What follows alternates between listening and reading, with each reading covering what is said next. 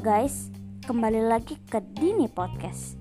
Kali ini aku akan jelasin kenapa sih kalian harus masuk prodi seni teater Institut Kesenian Jakarta.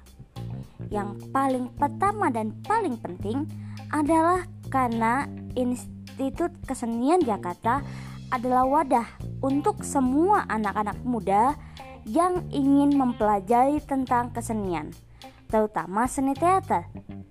Dan jika kalian ingin belajar lebih banyak lagi tentang teater, maka kalian harus memilih Prodi Seni Teater Institut Kesenian Jakarta.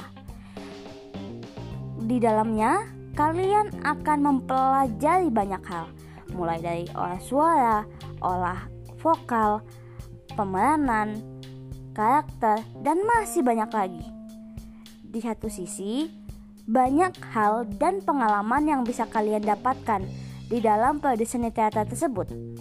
Mulai dari bermain peran, bergabung bersama dengan institusi lain seperti FFTV, seni tari, dan sebagainya.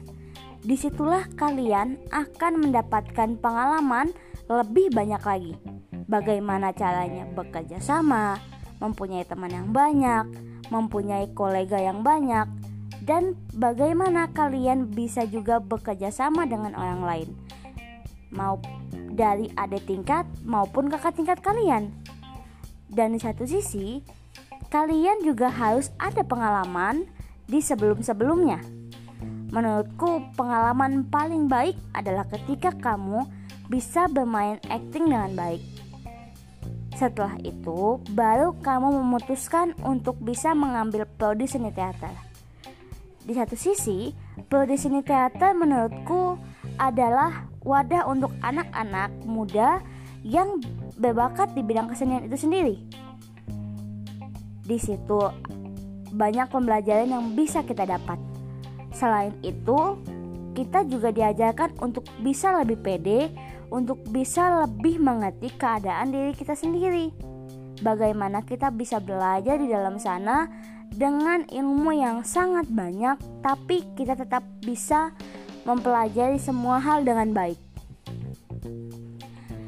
Di, di satu sisi, kita juga harus bisa mempelajari kondisi kampus itu sendiri. Tapi aku yakin Prodi Seni Teater Institut Kesenian Jakarta adalah lingkungan terbaik untuk anak kesenian mempelajari seni teater. Karena menurutku di dalam sana banyak hal ilmu yang bisa kita dapatkan.